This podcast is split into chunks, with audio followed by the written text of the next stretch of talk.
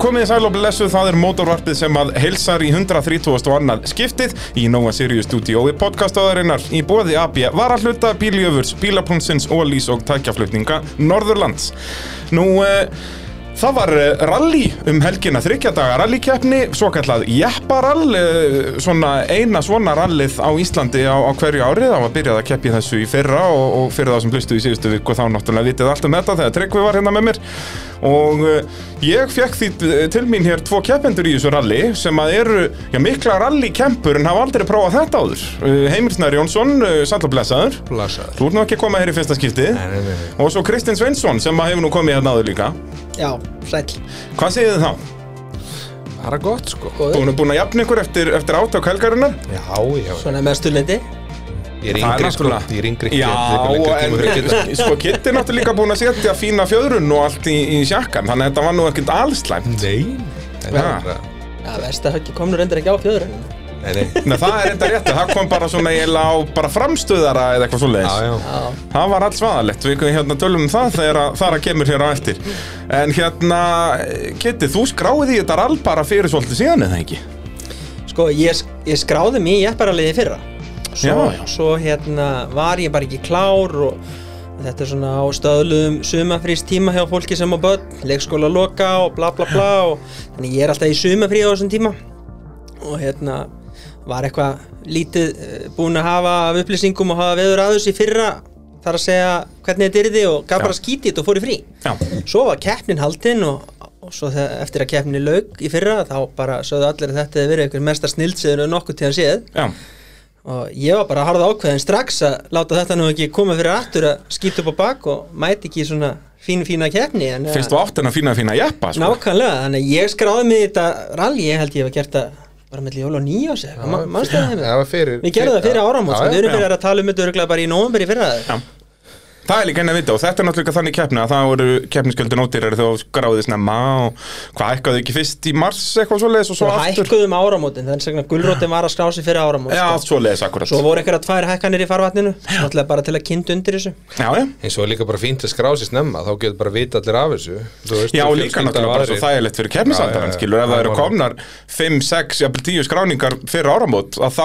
fyrir Já, keppnisandarann, já, já. skilur, ef það Það eru var- komnar 5, 6, jafnvel 10 skráningar fyrir áramót, að þá vita keppnisaldar okkur, við erum með þetta í budget núna og getum gert þetta og þetta og þetta Algjörlega, sko. og þannig er þetta náttúrulega þannig líka út um allan heim með svona stóra keppnir að það er oft, já, ári fyrirvar að, að skrá sig Já, við Íslendingar erum samt alveg bara heimismestari í að vera rasshausar hvað Já. þetta varðar Já, ég held bara að keppendur almennt átti sig ekki á því hva, að þeir að vera rassössar, skilur Nei, en þú veist, þetta er samt bara í rallycrossinu þetta er í öllu, að menn Mhm. skrá sig þú veist, það er bara það er bara staðlaður póstur alltaf bara rétt fyrir miðnætti í rallycross-skráningum að stríðast einarinn og ég grindaði með að nefna skrá sig, skilur Já, þetta er svona í torfærinni og allt Já, þetta er bara torfærinni og, líka þú og, veist, Ég er ofta að skoða hérna bara skráningasíðun að sjá hver eru skráðir Já. og maður veit alltaf að það bara tvöfald á síðustu tvo Já.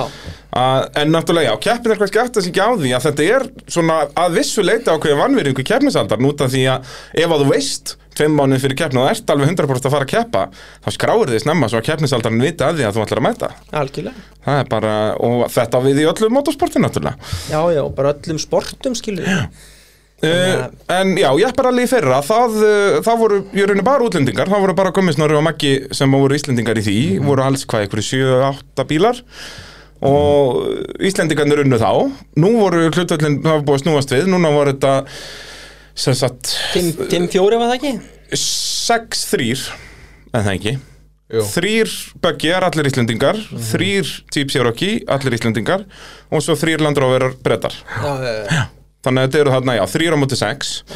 Og uh, já, hvernig, þú veist, hvernig undirbúrum með sig fyrir svona keppni? Það er náttúrulega að fara vel yfir bílinn. Já, jú, jú, auðvitað náttúrulega. Og það er kannski það sem að, sem að við kittir náðum ekki að gera, neitt sérstaklega en, en hérna, en klárlega er það eitthvað sem við erum búin að tala um núna eftir all, að líkillin er náttúrulega að vera með bílinn í lægi og hann dýja alla þessa kilometra Já. Það er kannski svona stæðstu undirbúningurinn. Því að þú þetta er ekki eins og fyrir hefðbundir all þar sem þú getur fara á leiðarskoðað og búið til nótur og það er mikill tími í því því það er engin tími í því í þessu ralli. Þú fara er bara að vita hvað keirir á, á 50 kvöldin nei, já, jú, 50 Já, kvöldin bara í skoðun á 15. Já. kvöldi, akkurat. Þá veistu hvað Og þú ert að fara að keppnin keira byrjar hann að setni part föstudags. Já. Þannig að þú gæti þér tekið að föstudaginn í að drífa þig og skoða Þannig að þó þú veitir leðarnar og þetta Það held ég að sé svo leis allavega í sambarlegum kemni í Breitlandi hérna, hjónin hérna, Clay og Clay. Já, sem voru á Tomcat Já, voru á Tonkat, þau töluðu einmitt um það að í sérreglum fyrir svona hilrali í Breitlandi þá er bannað að leða skoða Já. en það er einhver klásula um það að þú mátt ekki leða skola á bíl. Þannig að menn er á reyðhjólum krossarum og eitthvað menn er á reyðhjólum? Já, já, þau sögðu það, það væri svona væri svona Svona þeir allra grjótörðustu Já, sko. þeir færu á reyðhjóli og hjóluð einhverja ógæslega slóða til þess að búa til eitthvað vísir að leða notum Já, Nei, en hérna. þetta er nefnilega magnað og þú veist, ég hvet alla bara til að sagt, YouTube-a þetta, bara hilrali í Bretland út að þetta er rauninni allt allt öðruvísi heldur en þetta sem við vorum að keppi um helgina sko. Þannig eru þau bara að keira á einhverjum túnum í rauninni bara svona milli túna gegnum einhverja smá skója og yfir skurða og eitthvað djöfn, þetta er rauninni nærði að vera svona blanda bara af íslenskri torfæru og rally frekar en bara vennilugu steitsralli Já, sko. já, það Já, þau svoleiðis. töluðu um það að veri farin sama leiðin mörgu sinnum bara með, með, með slöfum, bara einhverjum útudúrum sko Já, þetta er í rauninni bara, það er svona ein leið, hún er kannski 5 mílur eitthvað svo leiðis og svo er hún bara keirið áttasinnum saman daginn, sko. Já, Og þá náttúrulega líka, en það er trikki að það eru kannski 50 bílar að keppa, að breyta leiðin er allt önnur strax í annari ferð og svo allt önnur í þriðju og þú veist, hún þróast alveg, þannig að það er svona ákveð trikk þarna, en, en náttúrulega þetta er alveg miklu næra að vera bara steitsrally nema bara á mjög grófum vegum. Já, í rauninni sko, fyrir þetta kannski lengd sérleðana Mhm. og svo náttúrulega voru kaplar á leiðum og sumar leiðir náttúrulega sem voru bara ekkert fólkspila færar Já, já.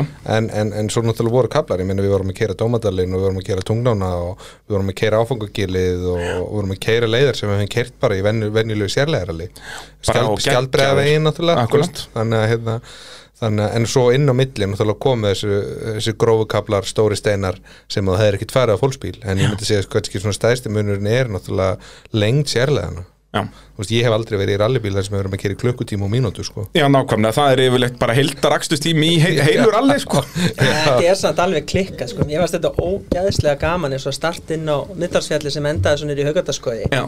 Sem er hvað, þetta var 73 km leið, Það var eitthvað rétt um 70 km, ég man það ekki nákvæmlega. 67 minni mig Já. Já, lengsta leiðin var 73 held já, ég já.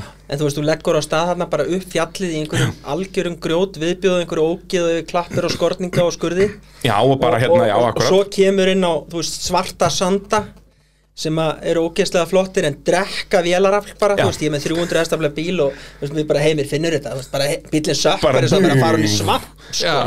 Og, og svo dett inn á hlöðuvallavegin sem er svona niðurgrafinn í grasi og, og svo áfram inn á inn á hérna skjaldbreiðavegin og enda svo nýri haugataskoði Já. og svo er þetta svo langur tími að þú ert orðin þú veist, þú finnur að það eru ups and downs í þessu þú ert peppaður, svo ertu slappur Já. og svo, þú veist, þú ferð alveg upp og niður og, þú Ég skil alveg að þú ert að keiri klukkutíma Já, og svo sko. kemur alveg samtali hérna, þú veist, hvað er langt eftir að þessu? Að, 11 km, já, ok, þá verður að kemur eitthvað að drekka, þú veist, Já. þá kólur bara í hálf litra vatni og það er bara, wow, nýr maður og, Já, þú það er svolítið, og bara úr flösku bara Já, eitthvað, bara þig bara bara þig Já. þú Já, verður náttúrulega að gera það, ég minna það er Já, meni, við vorum bara búin að ákveða það fyrir Þú veist, ég sagði bara að kitta og við rettum það Þú veist, ég er bara með vassflösku hérna Bara undir lærin á mér Já. Bara þannig að þú veist Þannig að það er bara rétt í, bara, já, já, já. það verður að vera þannig að En þú veist, mynduðu fyrir næsta ár græja svona bara rör Bara hafa Nei. pók aftan að setinu, það þarf Ég er ekki með það náttúrulega Þú ert með svona, Já, já, já. En það er nógu tími að því við erum ekki að lesa nótur Já, já, Skilur þið eru náttúrulega En hvernig er það einmitt að Er heimir bara að segja sögur, eða? Sko, þetta var eiginlega hálf skrítið sko Ég vissi ekki alveg hvernig ég átt að vera fyrst sko Nei.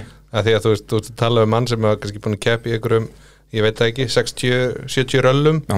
17 rally Reykjavík og eitthvað svona og, og, og alltaf með leðanótur og þú veist bara 100% hvert þú ert að fara og hérna, og maður þurfti bara svona svolítið að venjast í svona, er já hérna hægri kröpp, já, hægri vinstri og Eitthvað svona eftir minni bara Já, svona já, Og og svo svona, og svona svona- lesa förin Já, og- og svo svona vorum við bara fattin líka bara spjalla sko. Já. þú veist, þetta var þetta er, eh, þú veist, ég myndi segja allir ætti að prófa þetta sem að, þú veist, hafa eitthvað svona mótorsport áhuga, því að þú veist, þetta er þetta er einhvern veginn allt allt öðru í sig og líka eftir sko eh, hérna, sem sagt, þú ert búin að vera að keira, sem ég segir, í 50 mínútur. Þú ert ekki búin að vera að lesa þeir bara, þú ertu bara að byrja, er þetta ekki að vera búið?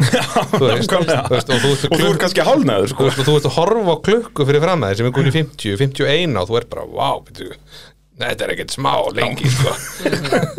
Þannig að, hérna, en jú, ég menn, ég held að, þú veist, og svo náttúrulega, ég held að bara gengi vel, sko, og, og klárlega lærði við mikið að þessu fyrir næsta ár, sko, ef að við, ef við myndum ákveða að fara þá, sko.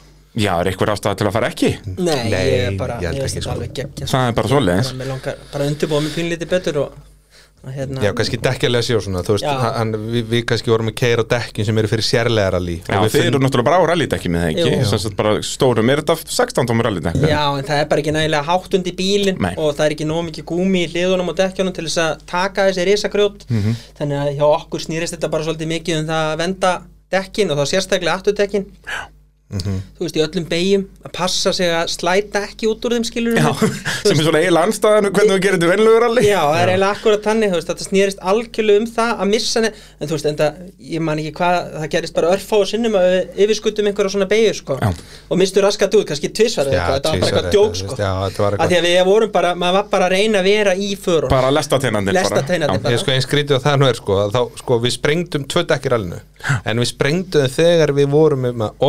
er að að bílinn og bremsulösir þegar við vorum að dóla okkur tilbaka skjaldbrefi Já, skilur, með við vorum, bilaðan bíl. við vorum bara leiðin tilbaka til að þá skila tímakortinu skilur, og hérna þá komum við út að leiðinu bara, "Heyrðu, það er sprungið á tveimir ekkert að frétta þessa leið, sko, það var bara brandari, sko. En Það er kannski yfirleitt þannig líka þegar einbyttingin fer aðeins að þá svona að, út í kant eitthvað.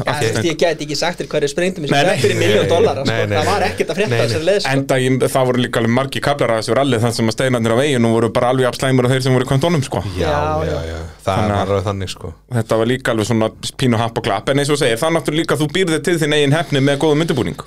Já, já. algjörlega sko og, Planið okkar uppalega var alltaf það að við ætluðum að fara í vorraliði vor og hrista bílinn saman. Það var uppalega planið. Svo bara uh, náðist ekki að klára bílinn vinnu minn einn uh, Viðar Viðarsson var að hjálpa mér í honum og hann hafði bara ekki tíma til þess að klára að hjálpa mér og ekkert til það að sagast og við bara gáðum skýttið og ekki þar alveg og allt í góðu en klálega hefðum við ekki verið að glíma við þessar bílanir á lögateginu sem að við lendum í ef við hefðum verið búinir að fara eitthvað sko. Já, já, nákvæmlega. En Ja. hvað, þú náttúrulega samt, hvað, klára haustarallið í fyrra Já, En var þá, eftir það, fórstu eitthvað að spaða bílinn eftir það eða? Nei, við erum búin að vera aðeins í bremsuversinni Já. og svo langaði mig til að stað mótorolíu kælir á hann uh, til þess bara að ná að bara venda vélina, fara betur með mótorinn og, og það voru svona smá aðlega breytingar og svo ætlaði ég að skip breyta afturhásingunni og við erum ekki ennþá búnir að því. En við erum búin að vera að glíma aðeins við bremsu vandamál út af því að semst afturhásingin uh, það, það er slag í raun og veru sem kemur í öxlana og það ítir bremsustimplunum inn. Þannig að maður þarf alltaf að vera að pumpa upp bremsunar Já, já. þú veist, við erum með 100% bremsur Já, en, en svo, svo ef ég stíg ekki á það kannski í 500 metra þá þarf ég að stíga tvisvar til að fá 100% bremsur Sem er náttúrulega agalegt upp á svona sjálfstyrsti í bremsur, sko. það er alveg glatað í ralli sko, en, en hérna en þetta er nú vist bara known fact sko. ég hérna var að spjalla við Hlölla í gæri eða fyrir þetta eitthvað þá var hann að segja mér hann að vera að hlusta á okkar podcast um að fyrir sé þeir eru að glíma þetta þar já það er. Það þurfa að pumpa. þeir eru að vinstri fót að bremsa bara á leðum til þess að veist, ná, haldi upp í þrýstingir og bara róli hættunum aðeins að gefa Bara á beinu köflunum aðeins Já. að, ná, ok, nú, og þannig að þeir vita, heyrða, 500 metri næstu beigju, ég er með fullan þrýsting. Já. Það er mjög spes. mér finnst það mjög spesa, eitthvað svona high-tech lið sé að tala um þetta sko, ég bara Já, þú veist, maður myndi skilja þetta einu sinni en ekki að sama vandamáli komið upp aftur og aftur, skilur En já, þetta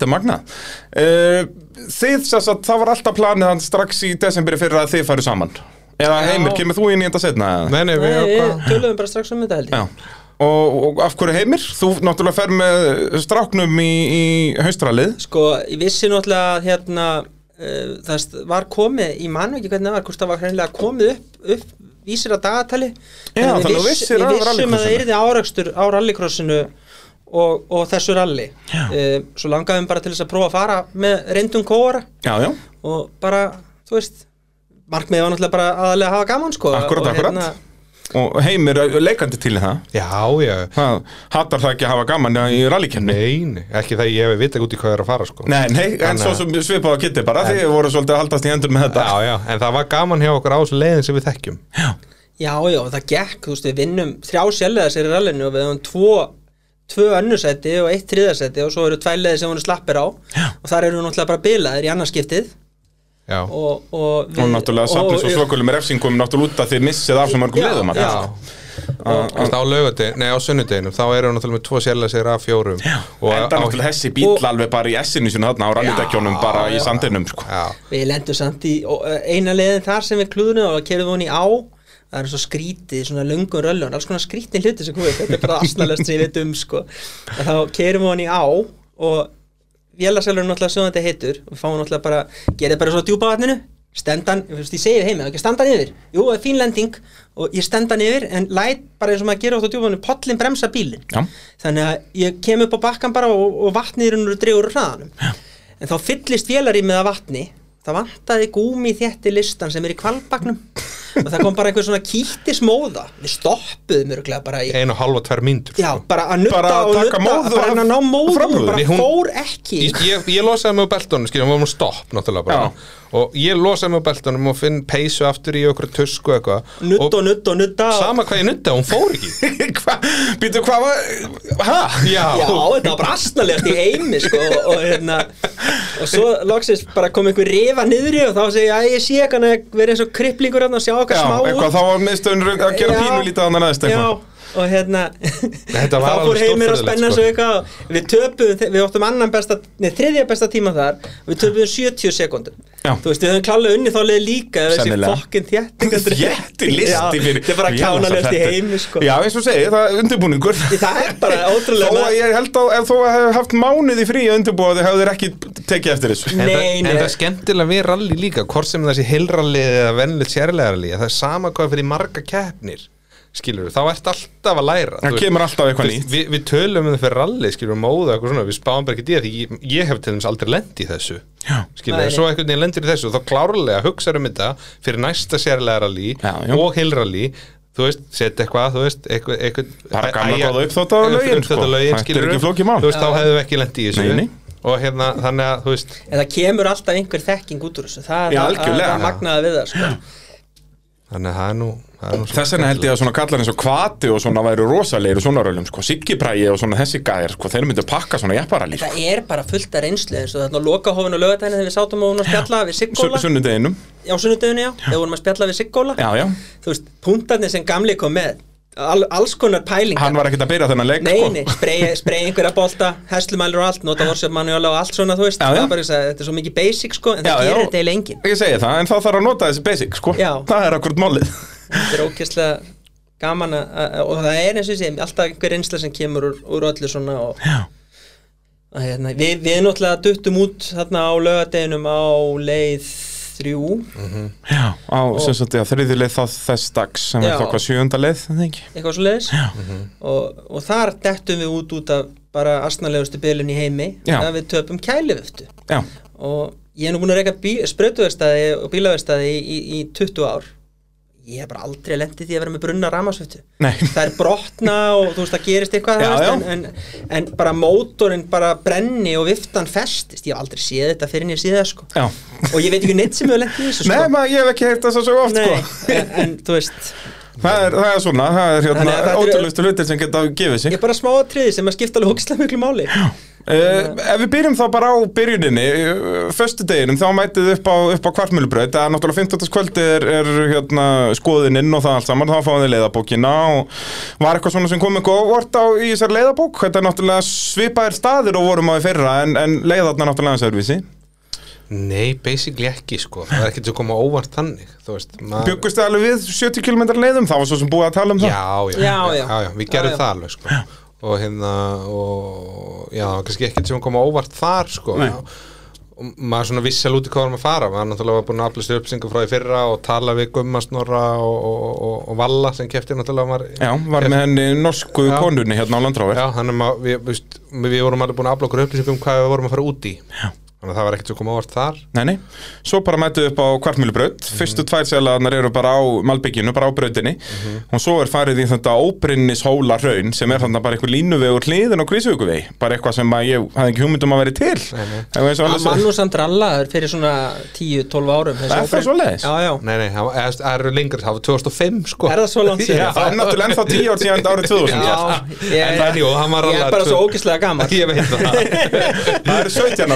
árið 2000 Já, ég, En það, var ég er alveg bara tvö- svo ógeðslega gammal Ég veit það Það eru 17 ár síðan sko. Það var 2005 Já. Uh, ég man alveg að, ég man svo vel þegar við ég og ægi pappakassi service fyrir himma hann er á Honda Civic og við erum var að detta úr bílnum og himmi var eitthvað, allt í lagi, allt í lagi? Og, og ægi lokaði bara út og sagði, já, út í toppmálum kallið minn. Og, og svo held himmi bara áfram og spáði í það við erum var að detta úr bílnum og Nei. ég held hann að vunni sem flokk, bara að venni aldrei að segja ralli okkur manni hvað er að bílnum hans. Nákvæmlega, það er stórhættulegt Já, En eins og Súleið sko, hún var náttúrulega enga veginn sko rallyfær Nei, ekki fyrir fólksbíla, nei, nei, nei. Og það- er þetta bara svona stór grýtt og bara svona, síðan endar þetta í einhvern grifjum hann og svo farið upp á bláfjallavegin hann Já, bara veist, fínasta leið fyrir jeppana sko. Já, það ekki. Ek- ekkert, ekkert út á hann að setja sko. aðeins klappir og korfi inni og svona en bara, hún var Og það ekki- er hún bara var ekki- smert og bara Já, já, já. gaman Já, að hún því. var ekki tröð sko þannig, þú veist, ekki hættuleg Nei, alls ekki sko. En þetta er náttúrulega bjútið við svona jepparöl Ég meina, bara á Reykjanes sem á að finna þúsund kílómetra á svona vegum sko. Bara allir þessi línuvegir og allt þetta dót, Þetta er út um allt í, í þessu þarna sko. Leiðilega við línu við er ofta þeir eru eins og þarna er aðeins og beinir mm, Þú veist, það vantar aðeins meira lífi í þetta veist, eins og skjaldbreðavegurinn er náttúrulega bara línuvegur í grunninn Já, En er, er þú veist að þú skoðar hann á kort er þetta þráðbytt Já, en, það er bara endalust hægur og vinstri sko. já. En, en hérna, það er sko föstudagurinn, við hugsuðum föstudaginn alltaf bara sem uppbytun og ætluðum ekkert að taka það, ég sagði mér sér við heimi fyrir rally, ég sagði að því við vildum alls ekki vera fyrstir, það var eiginlega aðal gameplanið Já, vilja Svo- hafa eitthvað förað alltaf Já, og svo unnu við fyrstulið sem að koma okkur nú reyndar á orð að því við vorum eiginlega ekkert að flytta okkur sko. Já, og hérna, svo fórum við inn á þessa óbrinnsóla leið og svo erum við bara konur út að leiðin í góðum fíling og, og það var svona, verður eitthvað samtal í bílnum er, erum við búinir eða, já, já, eitthvað og svo bara, ha, nei, heyrðu, startan Já, já. Þá sést þegar þið eru að koma upp á Malbyggju, upp á Já, þá Bláfjallavegin hættum við bara, Já. leiðin var ekkert búin Nei, nei. að því að sko mig gruna ekki. Þarna, þarna, ke- þarna kemur í sko hverju þú ert vanur í, í, í rally þá hefði klárlega verið flagga bara þarna. Fattar það er aldrei, við höfum aldrei farið að loka Bláfjallaveginum bara til að keira hann 200 metra sko. Nei, þannig að ég bara já ok. Og svo er ég með leðabókinu og þú veist þá sé ég bara keep on to tarmac until finish eða eitthvað, ég man ekki hvernig þetta var orðað Og ég bara, að starta hvernig get ég gefið í maður Ég var aðna, fyrir, fyrir, þú veist ég var að mynda þarna Þið tapið ábygglega 20 sekundum hann Já, já, við, já. en Bara- þú veist, svona var rally okkar, við vorum ekkit Nei, veist, nei. við hlóum bara þessu sko Já. Já, en þú veist að þetta er einmitt líka eitt sem við tölum ekki um áðan Hvað var þar munin á jepparalli og venluguralli Að það er engin tímaverðir Nei, Þið bara býðið bara og fyrir með eitthvað tíma Og svo bara, heyrðu, förum að staða núna En það er algjör snilt þetta konsept að Já. vera ekki með tímaverði Ímyndaðin eins og líka í þessu ralli Það sem ekki mikið af viðsnúningum Eins og bara laugadeginum Þú hefur ábygglega þurft sko 12 tíma var það gengi Já. Já, Já, já, ég menna og ég, ég þekki það náttúrulega bara vel að vera skipulegja þessi röll og, og vera að redda starfsfólki Já.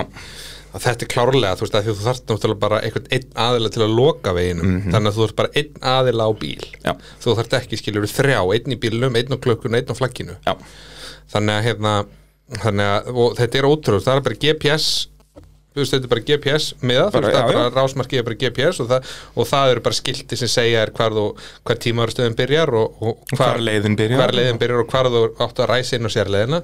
Og svo er það bara þitt að fara inn á réttin tíma. Já, það er bara verk aðstofurökum Já. Þú ert bara með tímabókina bara og, og hérna, veist nákvæmlega sekunduna sem þú ert að fara á stað. Akkurat, og svo, og svo í endan að þá er bara, hérna, bara rautt flagg bara skilti í kantinum. Já, ekki flaggari, heldur ekki bara flaggari, skiltið. bara skilti og, og, hérna, og svo þá bara þarftu að stoppa síðan einhverjum 100 metrum setna sko. þannig að hérna, þetta er við reyndum þetta, við pröfum í dýralli Reykjavík 2020 en, en þetta er bara eitthvað sem þarf aðeins að þróa og skoða og sjá hvort það sé að fá þá aðila sem eru með tryggva í þessu Mhm. í sérlega því klárlega er þetta Sérstaklega á Íslandi, sko, við erum svo fá að bara það að spara þessa starfsmenn og einmitt líka á þessum tímastöðum er annarkvort starfsfólk sem hefur aldrei unnið þetta áður og kunni ekkert á þetta eða þá starfsfólk sem búið að vera í þessu 20 ár og er mjög valjúbúl að þá, þú veist, þú vilt frekar hafa svoleiði starfsfólk í ykkur öðru heldur en á tímastöð Já, og líka sko málið það eins og sko, eins og þegar við vorum að prófa dýra Reykjavík 2020 þá þurftum við að tengja þetta á rafmagn. Núna var þetta bara Á á batteri bara og tryggvi og, og hans kó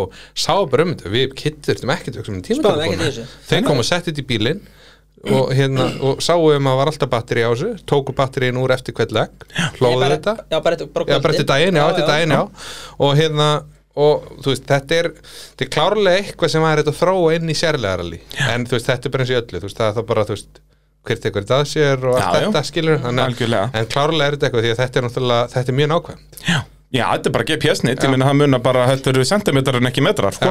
Eins og í þessu ralli þá var hann ekkit rosalega strangur á sko tímanum hvernig menn fór inn. Ég var að ræða þetta eftir rallið því við vorum að spáði hvað væri keppnisklukkan sko. Já, og við vorum alltaf að starta sko 0-3 Já, að því að við töldum að það væri rétt keppnisklukka. En svo voru aðri sem störtuð á 50 og aðri störtuð á 57 og, og, og, og tryggvist að það var engin í keppninni sem startaði á 0-0 Já, það er svolítið, allir voru hann hvort aðeins fyrir og aðeins eftir. Já, en hann sagði yfirleitt voru allir að starta á sömu sekundinni Sérleið eftir sérleið. Allt Já. rallið, sko, hann sagði þið fóru alltaf á 0-3 Já. Þú veist, þannig að Þannig að hann var ekki að, að Nei, hann var ekki að eldast við það, Nei, sko það, en, engin, það var, fekk engin refsingu í þessu rally fyrir þjóstart Nei, en ég held samt að sé alveg hægt að gera það. Það er alveg hægt að útfæra þetta í sjálfleðaralli Já, bara þannig að sé alltaf bara uppfærð keppnisklukkan er þessi sekunda, skilur. Og ég menn það var þannig þú veist, ég menna, þú veist, þannig, eins, og, eins og þið segi, það er klárlega hægt að gera þetta þannig að þetta myndi virka með þjóstarti og allt Algjörlega, þetta sko. og þetta er eins og segja það, það, er, það tekur pínu tíma að vennast þessu en þú veist, strax á öðrum degi þið kunnu alveg á þetta, þú Ég, veist, þetta var ekkert við, vesen við, við, við, við kunnum þetta bara strax. Ég segi það, veist, þetta var Þetta er bara algjör veist, Heimir fekk tölvu eða svona iPad hjá Valla og var með stóran iPad í bílnum. Já. og er svo með, hvað heitir forritið? Þetta er bara- rally tripmeter. Rally Rally tripmeter, tripmeter. bara og það eru bara allar upplýsingar. Þetta er bara eins og að vera með þessa græjur sem að kosta sko þúsund pund. Nema að downloada þessu bara iPad-in. Þetta er ég mæli klálega með því að vera með þetta í iPad frekar en síma því að það er með þetta alveg stórt. Já, og bara eftir að setja þannig festingu bara í mælaborðið á bílnum þá ertu í toppmálum og þetta er ekkit vesen, þú veist, ökumæður getur bara séð hvernig hann á að ræsa og þú veist, trippmitirinn telur niður og allt fyrir okkur og þetta er algjör snild sko. Og, þetta, og eins og þið segi, ég mæli með þetta í spjaltölu að því að sko, ég, var með, ég er alltaf með þetta í símanum í bílnum eins og þið eru kepp með baldri og þetta. Mhm. þá er alltaf bara með þetta í símanum, hann er þetta miklu minni. Já, þú veist, þá sér þú þetta en ekki ökumæður Akkurat, sko. Þetta er mjög þægilegt að hafa þetta bara í mælaborðinu þannig að báðir sjá og hérna, en já þannig að þið endið í rauninni bara í ég held að það hefur bara verið hreinlega í síðasta seti já, næst síðasta, já, næst Já, síðasta hún það síðasti var, bara allir Nei, næst síðasta, út að það var einn uh, landróverinn hann að krasaði á, á þriðjusellið þá voruð þið í næst síðasta eftir fyrsta dag Já, eftir fyrsta dag eftir já, fyrsta dag. Já, já, Að, hérna, þannig að þið ræsið, já, bara tiltölu aftanlega áður um degi, bara eins og þið vilduð gerir á fyrir. Já, okkur var svo sem alveg slett sama. Við töldum að einhver ein mínúta í upphafi þessar alls myndi ekki skipta öllu máli. Nei, Það það ekki munaði mikið. heldur ekki held í mínútu munaði mínútu, held ég. Það munaði mínútu, já. Það væri mínúta. Rétt og rúm. uh, svo byrjiði dag tvö og það var bara já var það ekki lengsta leið kérna það var fyrsta leið á degi tvö Það var ekki lengsta leið, það var ein lengsta Ég held að hún hafi verið lengri hérna fyrsta leið á sunnudegi Nei, Nei, tú- eftir hádegið. e- Eftir hádegi Já. hérna, sem er tung, Tungufell Já.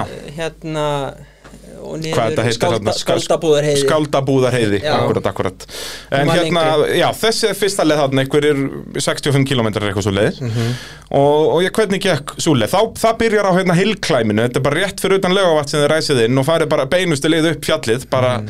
ég veit ekki hvað þetta er í gráðum en þetta er djöfulli bratt, sko. Já, þetta er mjög Já, bra já, þetta er mjög brætt, runnið úr og grít og ógislegt en þetta var mjög skemmtilega eins og ég held ég hef sagt á hana hún, hún, hún hérna Og það hún breytist náttúrulega, þetta eru basically fjórar margar mismunandi leiðir. Já, þetta er svo marga leiðir sko, eða kemur út úr þessu grófa inn í svona gróið í kringu hlöðufellið og svo í sandin niður í mosaskarð og þá ertu koðin í melgresi og, og svo inn í og, og veist eins það og hann inn í haukatalskói þar eru það að keira bara vegi þar sem þú getur líku við staðið í miðjun á veginum og snert tré bara Báðum- báðu megin með höndunum sko. Og sko, sko, þessi leik gekk ótrúlega vel þangu til við komin sko. Ok, Eða þangu til rauninu við tökum hægri bein af skjaldbrefi já Svo þegar við tökum hægri bein af skjaldbrefi þá er bílinn farin að ofita sig og bremsutna og- farnar og þannig að við þurfum bara að dóla okkur þaðan. En að því var bara ótrúlega gaman við og gekk vel töpuðum sko. ótrúlega liklum tíma. Við verið á pínum tíma ef allt hefði verið í lægi þetta er alltaf þetta stóra ef í öllum motorsporti sko. en svo sem þess, En- þegar þið beigja þarna niður að skjálbyrjaði það er svo sem líka alveg kaplinn þar þyrfti maður hvað sem er að vera að dóla. Þetta er svo svakalega gróft þar nei, ekki þannig Ekki þannig, nei. nei, nei. einhverjum köflum með þetta en, en, en, en já, þar eruðu við, við hérna, þar við þurfum að dóla þaðan sko. og þið farið inn næstu leiði það ekki jú, jú, og, og plani var, við vorum búin að átt okkur á því að viftan var ekki að virka og plani var bara að komast upp eftir í servisun okkar og reyna að beintengja þessa helvít sviftu Mhm. og er servis hvað, fyrir eða eftir trölláls eða bæði bara, það er náttúrulega Við vorum tröllháls. bara- bara máttu ráða því sko. en bara þarna hjá en það var í raun og veru hugsaðu service eftir trölláls já, þar, þar var tímið það sko, það var eiginlega ekki tímið það fyrir akkurat. Trölláls og þarna sérst næsta leið er þá bara skjálbreið við erum bara basic, sérst í áttina trölláls já, og svo er servis þar. Já, við dóluðum hana bara upp eftir bara til þess að reyna að komast ánga á þess að skemma bílinn. Og niðurstaðan bara eftir smá vikjur og stopp þar var að vifta væri brunnin og við vorum bara ekki með varalhuti og þar leðandi duttum bara út. Já, og fórum bara til byggða að reyna að græja græjuna. Já. Og- og, það var svo það, það bara- löng við gerðu að græja þetta. Nei, nei, við, Nei, við nei. svo sem finnum sérum einhver aðra hluti og, og bílinn klárlega skrúðum aðeins í fjörunni og breyttum aðeins svona bara aðeins að tjúna þetta til. Ég segja, voru konur hérna með smá reynslu. Hann er, hérna, hann er- já, svo voru þið bara mættið snemma upp í hraunærunni þeir gistuð í hraunum Já, já, Já, já, við varum komni bara um sjölitið eða eitthvað sko. Og hérna það var dásvænlega stemming að vera þannig upp í hraunni já, já. Þetta mér leið eins og ég væri bara í einhverjum svona Fjallaskóla. Já, eða einhverju svona bara út í laugavatni með grunnskólanum mínum eða eitthvað svona, þetta var eitthvað mjög einkennilegt sko. bara eitthvað svona lítill hópur saman eitthvað en ekki, það er ekkert fyllir í gangi og það er vona allir að að vasknum miðan nótt. Við skulum hann að grunnskólanlega hafna fyrir bjóða ekki upp á Víking, sko. Já, Jú, þess vegna byrjaði ég í vikingnum Þetta var alveg geggjað sko. Já, já, þetta var mjög gaman og þú veist, eins og það er, það er allt það var allt við þetta rall góð upplifun, Já. fattar hvað ég er að fara Já. þú veist, hérna upplýsingaflæði sett, sett, sett, að, við, aðvaranir í leðabókinni Mhm. inn og sérleið þú veist, basically, þú hefðir þannig sér ekkert þurft að vera með þessa leðabók inn og sérleið, fattar hvað ég er að fara Nei, nei, merkingarna voru það góðar á Og hættunum hversu sko. geggjað er samt að geta verið þú ert inn á sérleið og allt sem stendur í leðabókinni er mert inn Já. á leiðinni Já. Þetta er eins og að vera í tölvuleik Já. bara að það koma örvar upp á skjáin já. og sko, þú veist, þannig að þú veist, Tryggvi og Ían fá bara, þú veist bara mikið sjátt fyrir það það var þetta treyst á þetta allt saman allt sem að var aðverun var bara stóð Akkurat, akkurat Og- Og vissulega var alveg sumt svona sem að þurfti að hafa tvö upprúmmerki þarna og eitthvað En þú veist, það er alveg skiljalegt þú veist, þú vilt frekar að hafa tvær Já. eða eina eða þrjá Frekar en ekki neitt. enga, ef það er hætta Já. skilur þannig að hérna uh, þannig að, þannig að já, mikið sjátt á það Já. Og eins og segir, með þetta raunni er þú veist, ótrúlega gaman. Þú veist, allir sem er að keppa og kynna Og líka, þú veist, það er alltaf þessi auka stemming og við munum bara ef- eftir því frá alþjóðarálunum í gamla dag, bara hafa útlendinga. Það er alltaf eitthvað svona auka stemming í kringum það Já, Mér já. finnst það sko. Já, Ég held að ég myndi aldrei segja þetta sko, búin að vera í 15-20 ára býð eftir þessum helvítis herjeppum minn á sérleðin og ég er farin að sakna þeirra sko. Nei, auðvitað er það þannig. Menn þú ert bara að hitta einhverja sem er stundið þetta sport út í heimi og, En þið er allir það sammeðilegt að elska motorsport meira en allt annað sko. En það er bara svo mikið snild líka eins og þegar maður fór að mingla við þetta lið og kom bara í ljós, veist, þarna eru bara gauðra sem eru í, með breytingafyrirtæki og eru bara að tróða alls konar vélum og hann náttúrulega elska hann að landröður meira en allt sko. Já, já. það er bara, heyrðu, þessi landröður er algjörlega vél af hana. Já, heyrðu, finnum bara eitthvað að tróða moni hann Já. þú veist, það var hann þarna einn, já. þessi sem var í service fyrir Clayhjónin hann var bara að vinna við það að tróða einhverju öðru en landröðurinn í landröður Já, bara það er það sem hann er að gera, bara akkurat- Benz, Atlas, það var alveg saman hvað það var. Bara ekki setja landröður í hann. Bara í þessum tölu orðum er að núna bara skrúa, skrúa Bara það er það sem hann gerir frá og svo fór ég að 85 tala við hérna, ég mann ekki hvað er heita sem voru að bleika, bleika hérna lága hann hérna, það eru dekkjagaurar sko. Já, þeir eru með dekkja hérna breytinga business. fyrirtæki og eru í dekkjabensins, hvað heit ekki Lofthausen eða eitthvað, Jú, Lofthouse Jú, Motorsport. Það maður í Baileys og Murphin Já, maður náði sér í kontaktupplýsingar. Þú veist þar líka. Einum hérna á Facebook til þess að kaupa ánum dekki vittur Já, það er líka bjútið við þetta, þú veist, Gummisnori náttúrulega fór að vinna sér vel inn í hægin, sko, þetta hann náttúrulega húsaði þau klei hjónin, sko, Já, já. hann háa hann inn í góðan greiða þar, sko, Já, já. þannig að, og það er náttúrulega sem það snýst um líka, hérna, já, byggja upp kontakta og, og, og allt þetta. Algjörlega. Uh, en já, þá mætt uh, ræsiði á sunnudeginum og þá var kert þarna uh, tungna á Dómindal rúst fyrsta leiðin, það er náttúrulega geggjuð, þá er Geggjuð, sko. ræst á Dómindal bara, Ég Já. elska sko þessar tvær leiðir Dómedalur og Túna Þetta Já. er bara skemmtilegustu rallilegir við erum saman í liðin Mér þar. finnst það bara æðislega Ég keri mínar þessa leið uppáhaldsleiðir. fyrst 1999 Ég er svo sem ekki rallan þetta svo oft En mér finnst þetta bara æðislega leið Já. Og, og þessar slaufur þarna út úr upp í hekluna og, áfangagilið og þetta Þetta er allt sömu veginn, er þetta sama karakterinn, sko? Já, þetta er bara geggja dæmi sko. og starta þetta niður landi og þú veist, þetta er náttúrulega sem við kitti þekkjum Já, en svo náttúrulega er byggt þarna hvað, til vinstri út af Dómadal. Já, farið þetta, hvað heitir þetta, skjólkvíjar eða ykkur djúvillin Já og við, við köllum þetta áfangagil við hefum kertið til ralli Já, akkurat, eða samt bara hluta af þessu það ekki? Þetta hefur að, að gatnamótorinn næstu þar sem Já, við tókum. já, akkurat. Og En svo er farið til hægri á þeim gatnamótum og gert í rauninni þá að tungná Já. vinstri inn á tungnána og svo með þess að átti að fara aftur til vinstri eftir tungnána og kera línu veg það en það var hægt við það. Já, Já, en, en þá endaði þetta að vera hann einhverju já, 60 km eitthvað svo leiðis já. og, og þessi leik gekk vel hjá ykkur það ekki? jú, hann gekk mjög vel. Við stoppum hjá hérna. Stoppuðu hjá bögginum Það var Já, þeir, þeir, já, já, Við vorum ekkert að taka þessi nýtt rosalega Nei, hátilega bara stoppuðu þau, svo enduðu við við vottum annan besta tíma held ég. Töpuðum fyrir Danna með einhverjum 20-30 sekundum sem lappar í þessu böggirugli hérna. Já, Þannig að þetta var, eh, svona var þetta hjá okkur. stoppuðu ekki líka á Jómba Við hefðum allan að Nei, vera á nei, okkur. já, við hefðum náttúrulega vel á Já, Já, Jó- það- það var búin að velta þannig í endanum. Þannig að hérna Þetta var rosa skemmtileg lið. Það er Smá stubbur af henni sem var rosa grófur sko. En hann er ekkert nefn bara 400-500 metrar eða eitthvað Að- Já, það er þarna rétt áður en beigið inn á tungnana. Þá Já. kemur gróft, en, Já. en annars er þetta bara smúð sandur og dásamlegheit já, já. sko. Það er ekki ekki sko. Jú, og pínu gróft hérna þegar farið yfir svona tvöfald á að í fyrri án er freka gróft. Já, samt en ekki. minna það eru 50 metrar. Já, en þetta var frábælið og svo margir karakterir þessi lið sko. Já, já, og svona svakalega löng. Já. og alveg þetta En geggja það er svo magna við það að keira svona langa leðir Ég alveg keirt hérna og, og, og og Já. En svo, svo er þetta bara eins og þú segir nú oft í formúluþáttinum sko, í pittinum, að svo bara upplifir þú og fer fram á fjallinu. Já. bara bremsundin klárast, deppar í sjóðandi Bara bíllinn getur ekki meir. Já, það er bara bíllinn er í raun og veru ekki byggður til þess að fara svona langa Já. Við erum vanir í að vera að keira á leiðum sem eru 15 til 25 mínútur skilur, en svo er þetta alltaf einhvern leið sem er bara klukkutími og þá allt í einu ferðu bara fram að fjallinu. Já, já, það er bara svoleiðis. Algjörlega. Það er bara, þetta er bara, þú veist, maður skilur núna af hverju eins og Bleikilandróðurinn var með, þú veist, tvöfald sett af King með utanleikindi forðabúrum með kælirum og þú veist, Já. það er bara því að það síður á þessu rusli, sko. Já, já. Það er akkurat máli og þetta er náttúrulega þá eitthvað sem þarf að, að græja fyrir næsta rall það er búið að senda tölvupost. Við erum með okkar besta mann í þessu. Já, já, já Það Uh, en já, Jón Bjarni og Sæmundur þeir enda að, velta sérafgíunum þarna bara alveg, þetta er rétt fyrir enda það voru 500 metrar eftir leiðinni líku þetta eftir að fara upp rekkuna og niður aftur. Já, þeir brjóta öxul það er að brjóta öxul og þess vegna velta er þetta er ekki, þetta var ekki Nei, ég held- okkumarsmiðstök Nei, ég held að það hefur verið öfugt. Er það svo leið? Já, ég, held að hann hefur brotið öxulinn og við veltan. að fara, já að fer í um það Já, Já, getur klippur undan honum öxulinn og fer bara uh, létt á toppinn og, og svo bara snúar hann við og þeir klári í fjórðasetti Já.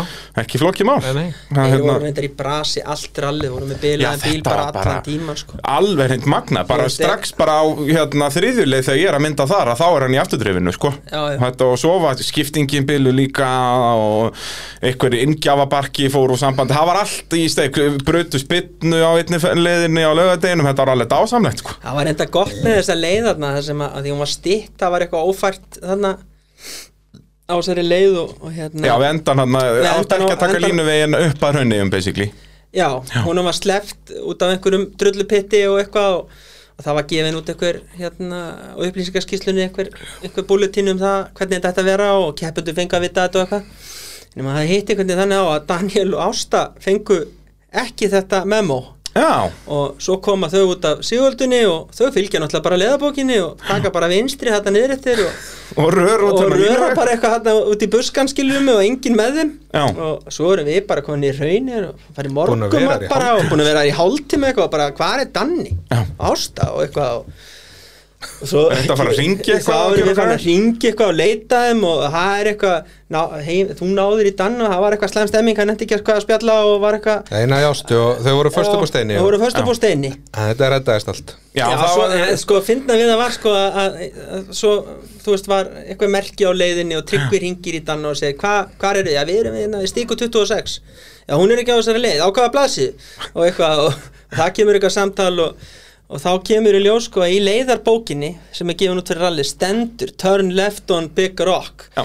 Og Danni sá ekkert þennan stein sko, hann Vissi ekkert hvað hann var að bulla, sko. vissi ekki hvað Tryggvi var að þvæla og, en það var það tilfellið að Danni var ón á steininu sem að var í leðalýsingunni sko. En þau tókst nú að hossast eða hvað, nei, tryggvi líst þessu þannig að, að sko stein, steininum var dreigið undan bílnum, en bílnum ekki ofan að steininum. Það var eitthvað svo liðs Þetta var eitthvað dásamlegt, en þau náðu að halda áfram og enduðu þannig öðru seti í já, já. En svo náttúrulega eins og þau að Já, að ég meina þeir veldu og, og, og, og fór ekki hérna uh, Danni og. Kleihjónin fóru og veltu honum við. Já, akkurat. Og svo er náttúrulega stoppuður á þessari leið sem við vorum að tala um stoppuður í, það fór reymin hjá þeim. Þetta er svo reymdrifin Þetta er bara eins og vélsliði í rauninni. Já, já, já. Og, og reymin fer, en það er líka að vita það er veikipunkturinn í bílunum, þannig að þeir eru með aðra reym með sér og allt til að græja þetta. Þeir skiptum reym á tveimur mínútum og held áfram, sko. Já, já. ekki vandamáli alveg magnaðir, sko. En hérna, Svo fór hjá þeim líka spindikúla á þessari leið já, já, hérna einhver, já, spindurkunna Efri spindikúla að framan og, og, hérna, Og þar voru þau næstu í dotnur leik, Þeir það var bara næstu- út af því að úrbrætti bílinn kom síðan upp í hraunniðar og þá kanntu við stólið úr honum. Já, hann sagði að strákurinn, hann Stenþós, hann gauti að, að það hefði munið tveim mínútum að þeir hefur verið búin um tíman Já. sem sagt þeir áttu að mæta inn í parkvar með Akkurat, í, í, í hátegislérnu sem var morgunmatur upp í rauninu Já.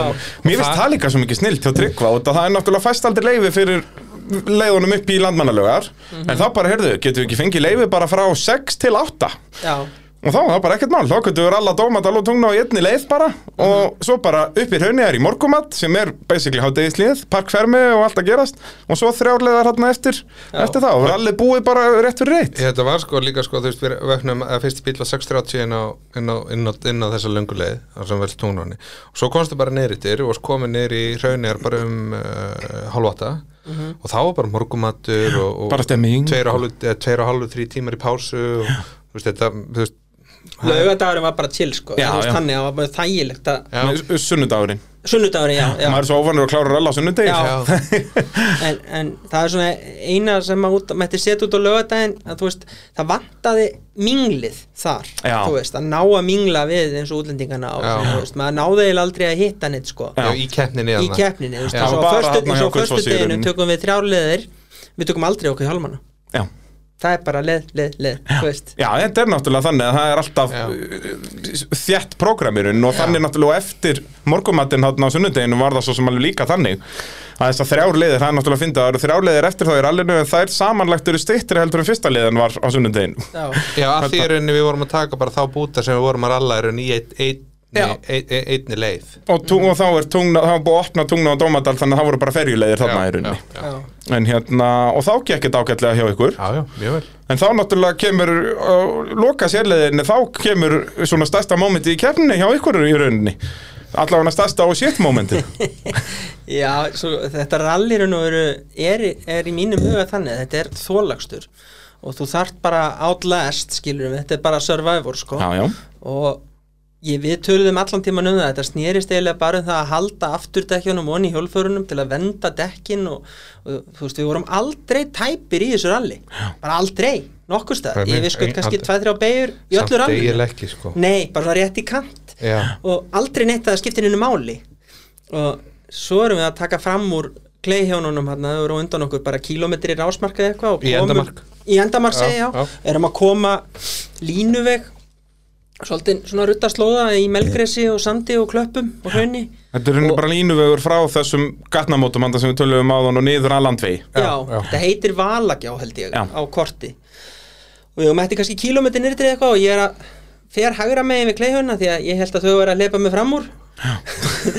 Og, hérna, og þau voru að koma inn, og, inn á hérna, svona gras bara svona me, einhver melur sko.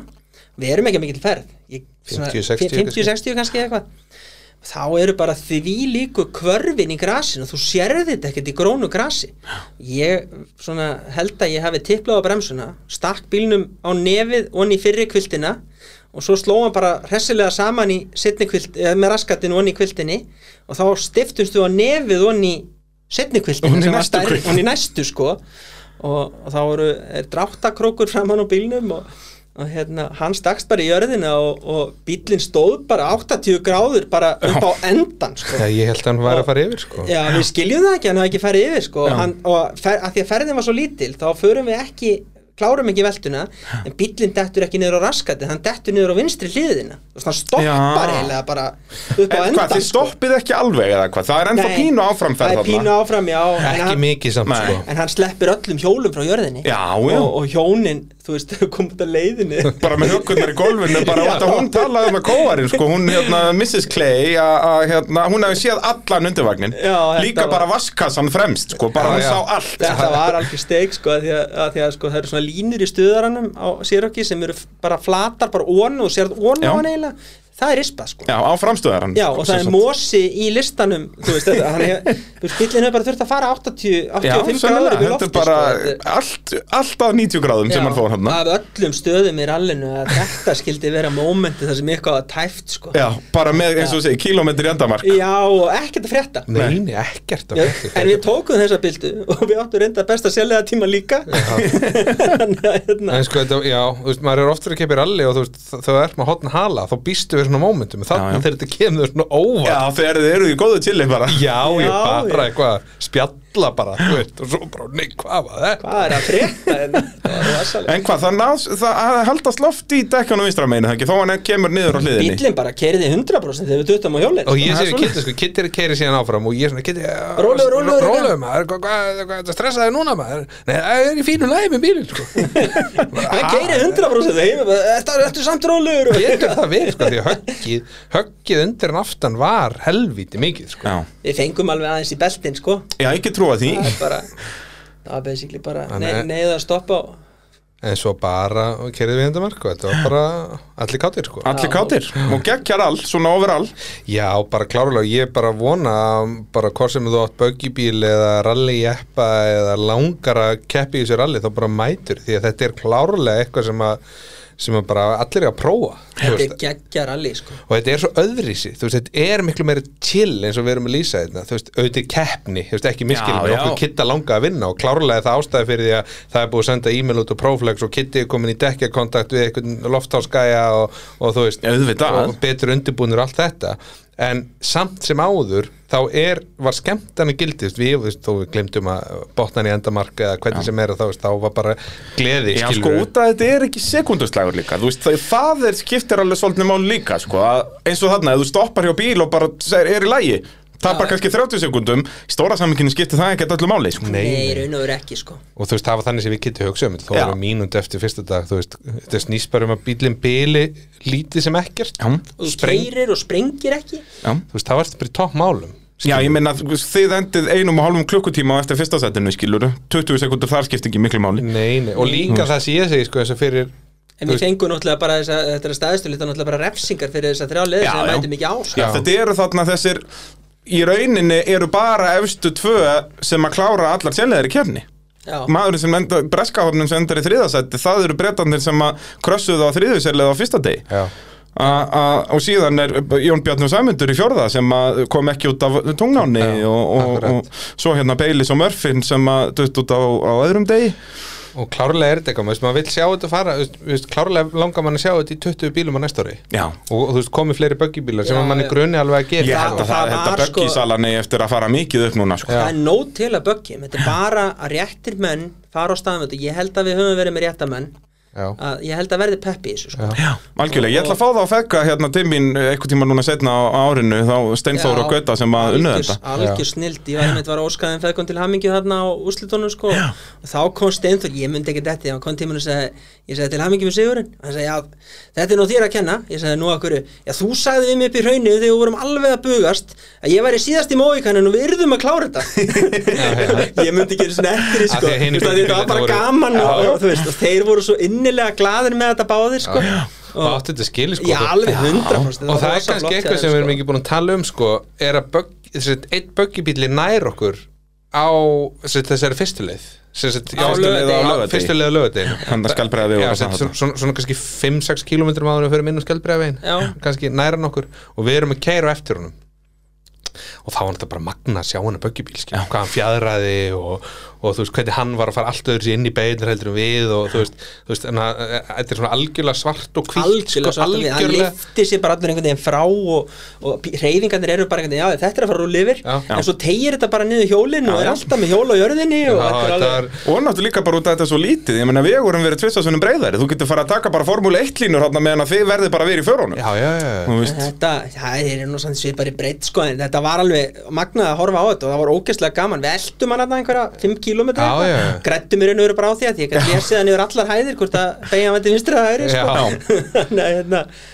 það var mjög gaman sko. Og þeir náttúrulega þrýr böggiðarnir voru með yfirhöndina sem tímalega séð allar keppnar Ég meina Gummi Já. Snorri og, og Guðni Þegar þeir dætt úr leik voru þeir með 5-6 mínútur í fórskot já. Já, já, en það væri náttúrulega sem væri gaman að sjá í þessu ralli væri eins og heimir að segja að fá 15, 20, 25 bíli í þetta væri drauma það staða og þá væri þetta bara tvískipt ralli. Þú veist að því að þetta er ójafleikur, jú, jú. Já, algjörlega. Vi, við, við, við eigum betri tíma eins og þarna á lögadeginu það eru liðir sem henda okkur mikið betur.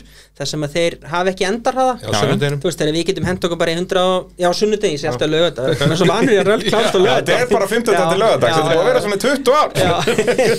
Nei, á sunnudeginu, þú veist, þá henduðu leðarnar okkur mikið betur. Já, já. þar sem að við getum hent okkur upp í 160-70 þar stoppa þeir bara í 120-30 Algjörlega.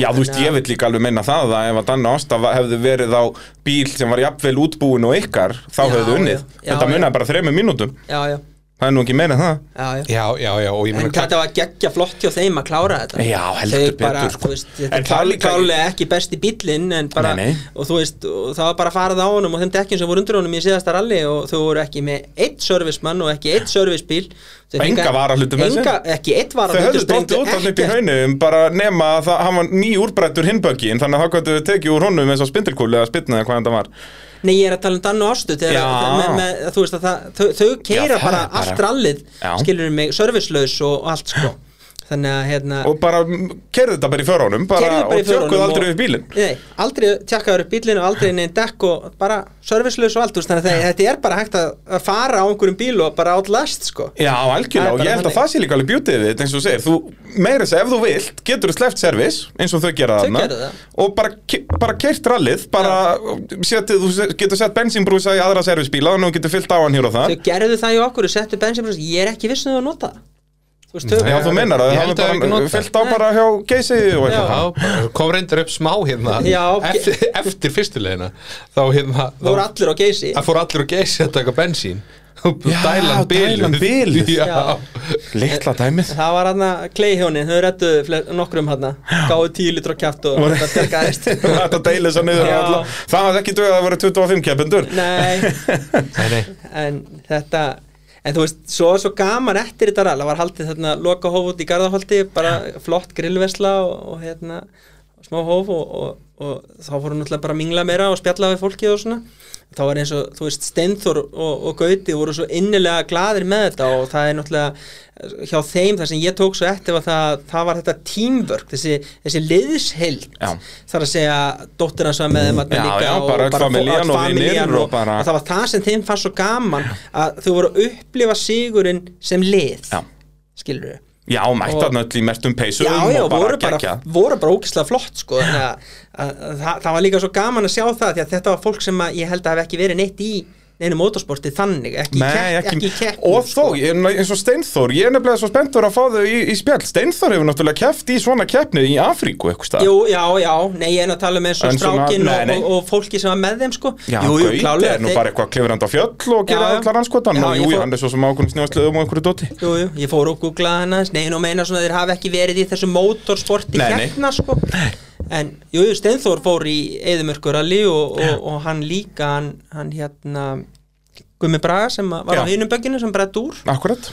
Og hérna, þannig að þeir hafa klálega einhverja reynslu. Já, og bara eins og segi vonandi fáum við fleiri svona böggi á þetta því að þetta er eina viti en þá líka eins og segir, myndum við skipta þessu bara í tvo flokka? Það væri bara böggi að vera að keppa við sjálfan sig og... Já, ég held að það væri svona eðlilega ég vil nú samt meina það sko að hérna, ég veit ekki hvort þetta keppniskapi fyrir að koma upp menn strax fyrir næsta ár sko Mm. en ég vil nú samt meina það að við ættum ekki dunnið það Já, já. Þú veist, þá er ég að tala um skilur þú veist, auðvitað klárlega að taka er miklu betri tími við einhvern leiðum, en við klárlega líka um ekki ekki Já, miklu já. betri tími Já, að dómatala Já, þessum leiðum þú veist, já, þegar já, við- við áttum helling inni þú veist, sko, alveg helling. þannig ég held að sko þú veist, þetta gæti alveg orðið jafnleikur en hann er ójafn á leiðum Já, ég veit það, það er bjútið fattarðu? Það böggiðarnir hefur verið 5 eða 6 minnum undan ykkur eftir fyrsta dag en svo máli. þið taka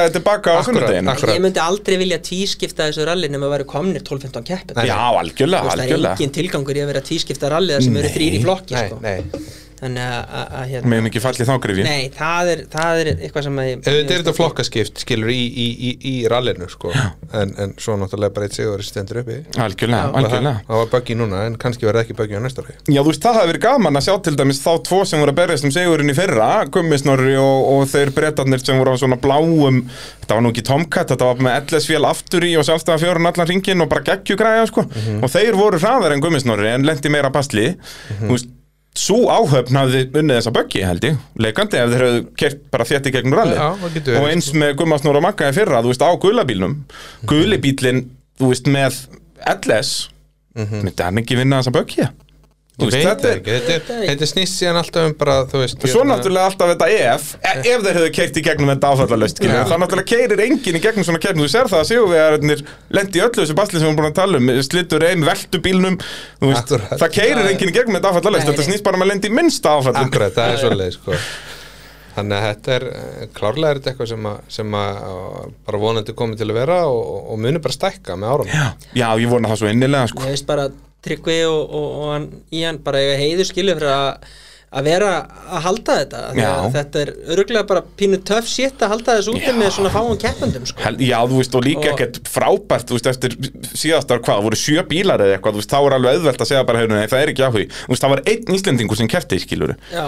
Þú veist, þá hefðu alveg margir Ég, ég upp, veginn sko. held núna við séum á einhverjum vendipunkti. Já. Eh, bara með tilkomu þessara böggja þá held ég við fáum þrjá í viðbót eða eitthvað. Mhm. og þú veist, mér finnst þetta algjörsnild og ég bara trúi því ekki að það kom ekki einhverjir örfáir fleiri íslendingar. Ég held það, þetta Af því er að bara, mér finnst þetta þetta er eiginlega minna vesen heldur en að keppi í sjálfleðaralli Já, er það ekki, þú veist, það er Já. engin leðaskoðun Þú ert þetta það er er svolítið og að fara í rallycross þú veist, Ég hef alltaf sagt Já. að þú veist, rallycross er svo einfalt Þú bara preppa bíliðin og það er mætir. bara rallycross Já. Þetta er basically eins Þú veist, vissulega er þetta þrýr dagar, en samt Já, ekki, en þú það sem tekur út eins og Það er föstudegi. það er þessi leiðaskoðun og, og það allt sko Þarna er það bara átt Já. og þú veist, maður vill ekki að sérlega alveg vera öðru en þetta er bara komið annað option Annað- Já, concept, sko, já, þú við veist, erum þannig alls ekki að segja það Nei, að nei, ég að breyta í Akkurat. Íslandsmóturinn Nei, nei, nei, þetta en þetta verði bara Ein eh, keppni. ein keppni Já. Tryggvi er búin að segja það, hann segja það hérna í síðasta þætti Já. að hann mun alltaf bara halda eina svona keppni en það samt stoppar engan annan þá að, að þú veist, ef það vera komnið 30 bílar í þetta myndi þá ekki vera sterkur leikur fyrir BKR eða eitthvað svona klúb að halda fleiri keppni ég held samt að þetta rally þú veist, þetta er finglína feta ég held að þetta megi heldur ekki verða of margir Það er bílar góður punktur út af því að þá fer við að upp á hálendi sko.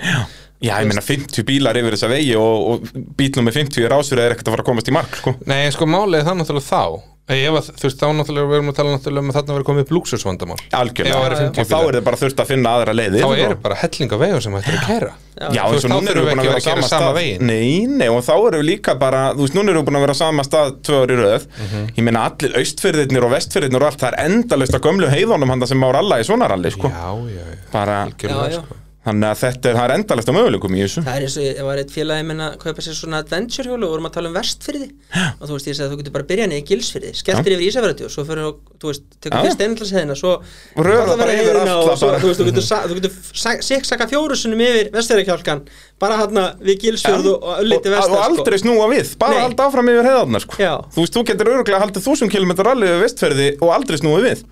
Það, vestfjörðir eru náttúrulega bara hjút sko. Það já. er rosa stórt sko. Þannig að það er, er endalaust á möguleikum í þessu. Já, já. Það er bara svoleiðis. Algjörlega. En hérna, já, ég held að við fyrir að kalla þetta gott bara. Erum við ekki búin að gera þetta nokkuð ágætlega upp? Jú, ég held að. Ég vil bara, að ég vil bara þakka kjærlega fyrir þetta rally. Bara Tryggvi, Ían og, og allt starfsfólk og krú bara, þetta var frábært. Algjörlega frábært. Þið mæta aftur á ári Já, ekki hún öðru Það- annað Við erum allavega nýtla peppaði núna og það er svo fyndi hvað þetta peppar allu upp sko. Já. Eyjólu Melsteð var að hjálpa okkur Já, það heyrðu, hann var hlaupand um á planinu hann bara og ég valdi þetta var eins og krakkinu í dótabúð Já, já, hann er búin að ringi í mig bara á daglega núna og bara, Er það hann er ekki? bara illa peppaður ég já. er bara senda honum mælingar og pælingar og Já. það er bara allt í öllu Allt svo leiðis, þetta er geggja og þetta verður bara enn betra að ári, ég trúi ekki öðru Geggjað, sko. Og eins og ég segi, ég